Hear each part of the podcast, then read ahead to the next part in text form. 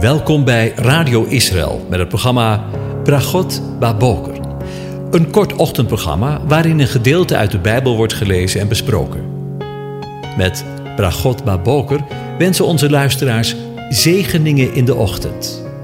Presentator is Kees van de Vlist. Goedemorgen, beste luisteraars. Bokatov. We gaan weer verder nadenken over Psalm 23 en ik lees het aan je voor. De Heere is mijn herder, mij ontbreekt niets. Hij doet mij neerliggen in grazige weiden. Hij leidt mij zachtjes naar stille wateren. Hij verkwikt mijn ziel. Hij leidt mij in het spoor van gerechtigheid. Omwille van zijn naam. Al ging ik ook door een dal vol van schaduw van de dood, ik zou geen kwaad vrezen, want u bent met mij. Uw stok en uw staf, die vertroosten mij.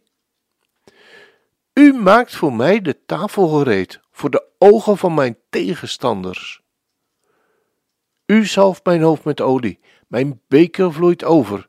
Ja, goedheid en goede tierenheid zullen mij volgen, al de dagen van mijn leven. Ik zal in het huis van de Heere blijven, tot in lengte van dagen. Tot zover. Over verzoening gesproken. Vandaag wil ik met je nadenken over de woorden: U maakt voor mij de tafel gereed voor de ogen van mijn tegenstanders. God bereidt een tafel voor David in de tegenwoordigheid van zijn tegenstanders. Stel je eens voor: David zit aan tafel voor een lekkere maaltijd, terwijl hij wordt omringd door zijn vijanden die misschien wel plannen beramen om hem een kopje kleiner te maken, hem te doden. Maar in Gods tegenwoordigheid voelt David zich volkomen veilig. God zorgt voor hem. Zorgt zelf voor rust en een maaltijd. En de Heere zal er ook voor zorgen dat de vijanden verdwijnen. Om dit goed te begrijpen moet je weten dat dit beeld voor de bewoners van het Midden-Oosten heel herkenbaar was. Ook vandaag nog. In Bedouinengemeenschappen en in de Arabische dorpen kent men het gebruik van sula, een Arabische term die verwant is aan het Hebreeuwse woord voor tafel. Shulam. Shua houdt in dat er een maaltijd wordt bereid voor twee partijen die een conflict met elkaar hebben, met als doel verzoening.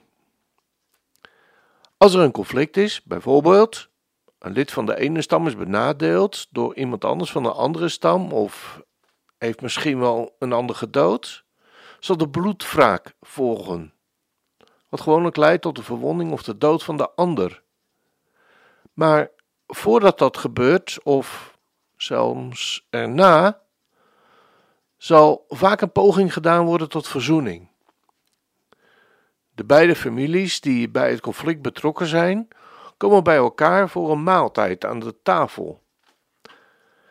De schuldige partij beleidt daarbij schuldig te zijn en de benadeelde partij accepteert deze schuldbeleidenis.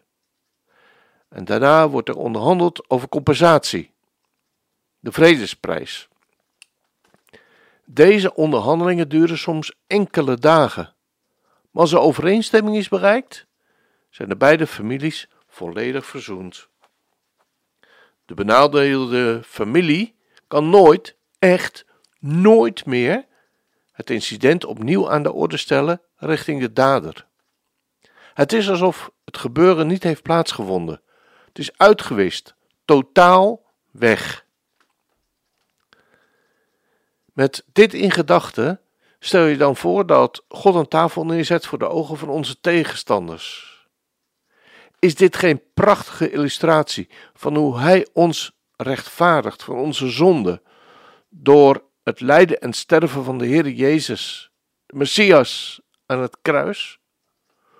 God rekent af met jou en mijn vijanden.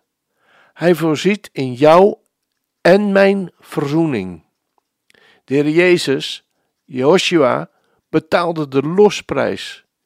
Notabene zijn eigen leven.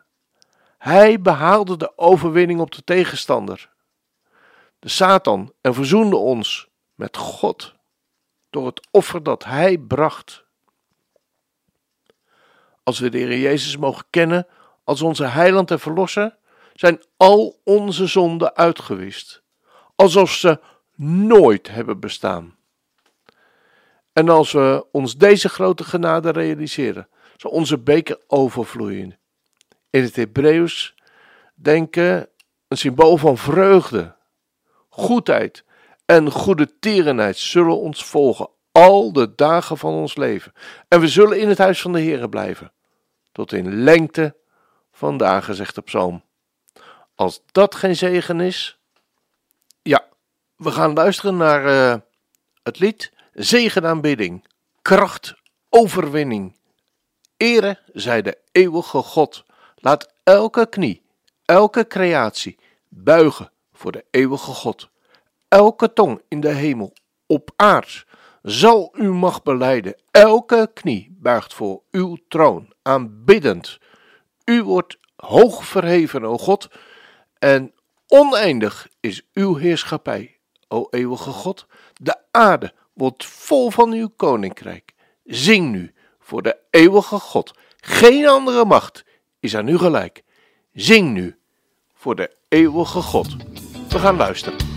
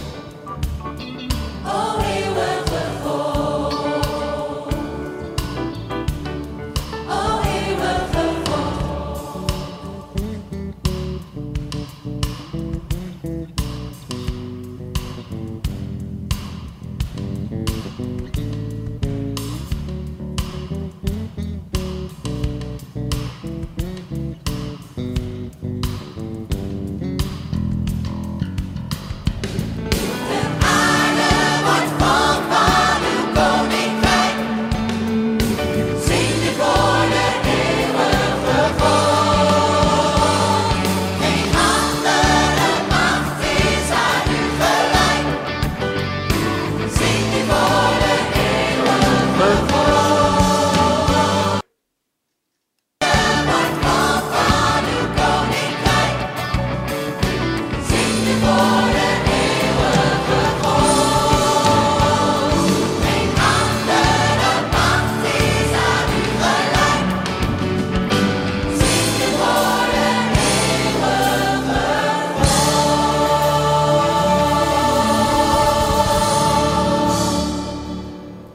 Zal wat zijn, hè? De aarde wordt vol van uw koninkrijk. Zing nu voor de eeuwige God. Geen andere macht is aan u gelijk. Zing nu voor de eeuwige God. Nou, zeg het nog maar een paar keer mee vandaag. Ik wens je in ieder geval Gods zegen toe. Ook vandaag.